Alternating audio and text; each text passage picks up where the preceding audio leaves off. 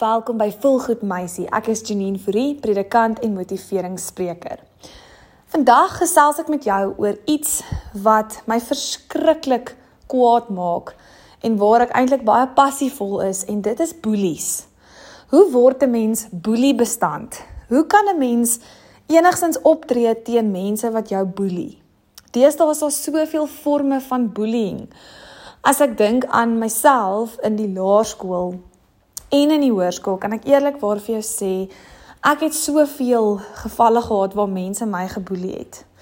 In die laerskool was daar 'n hele groep meisies wat besluit het om saam teen my te span en teen my te werk en my eintlik te verneder. En my minder te laat voel soos wat ek moet voel. My af te breek as mens. Maar as ek nou terugkyk in retrospek, besef ek dit was omdat hulle eintlik nogal jaloers was op my. Ek was anders as hulle en ek het uitgestaan en ek het dalk meer aandag gekry as een van die ander meisies en daarom het sy besluit almal gaan nou lelik met my wees en my verbaal boelie, so vir my lelike goed sê en van my skinder en van my valse stories versprei wat nie waar is nie. So dit het al met my gebeur en dieselfde het my met my gebeur in die hoërskool. Ek dink ek was baie meer boelie bestand in die hoërskool en daarom kon ek baie beter ehm um, dit verstaan en ek het dit baie beter hanteer. Ek dink dit het my nie regtig meer seer gemaak nie want ek het geweet die groep meisies wat dit toe was was uit en uit jaloers. Daar was op 'n tyd selfs al seuns wat ook goed van my versprei het en gesê het wat nie waar was nie bloot omdat ek nie genoeg van die een seun gehou het nie. So mense reageer verskillend en verwerping is nogal 'n ding wat baie mense glad nie mee kan ehm um, saamleef nie. Hulle weet nie hoe om dit te hanteer nie. En dan besluit hulle om sommer valshede kwyt te raak en 'n persoon sommer te begin boelie. En daar is soveel forme van bullying. Dit kan wees dat jou ouers jou boelie. Dit kan wees dat jou vriendinne of vriende jou boelie.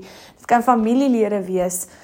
Dit kan onderwysers wees. Dit kan enige iemand wees. En deesdae is daar soveel aanlyn bullying ook.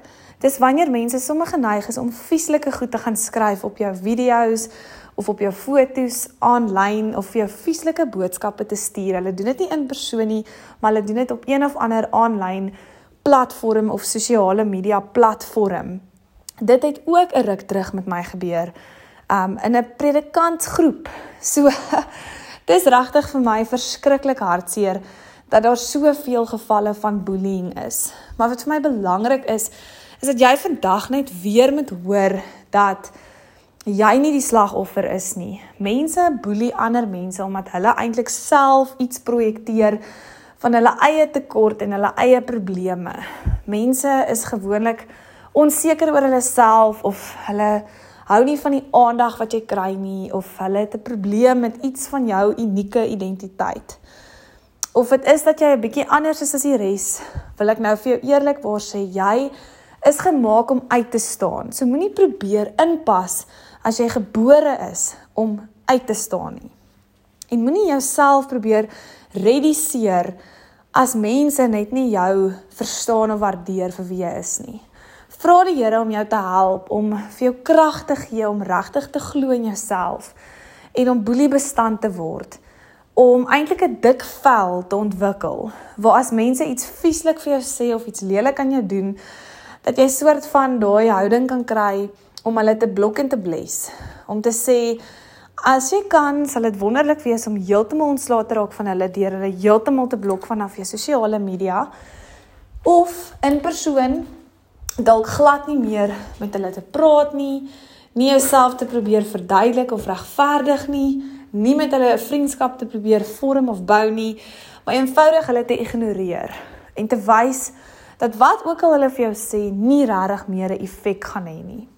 En as mense jou fisies boelie, is dit so nodig dat jy daar praat en dat jy eksterne hulp kry. As jy regtig fisies bang is vir mense en jy voel jou lewe is moontlik in gevaar, moet jy tog addisionele eksterne hulp kry. Moenie stil bly daaroor nie want sulke mense het hulle eie probleme en 'n mens weet nie tot wat hulle in staat is nie.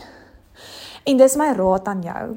Ek hoop regtig jy vind jou innerlike krag om sterk te staan en jou nie te laat onderkry deur hierdie mense nie. Onthou, as jy leef vir vir die aanvaarding van ander, sal jy sterf van hulle verwerping. Moenie leef vir enigiemand anders se aanvaarding nie. Weet dat God jou aanvaar net soos jy is.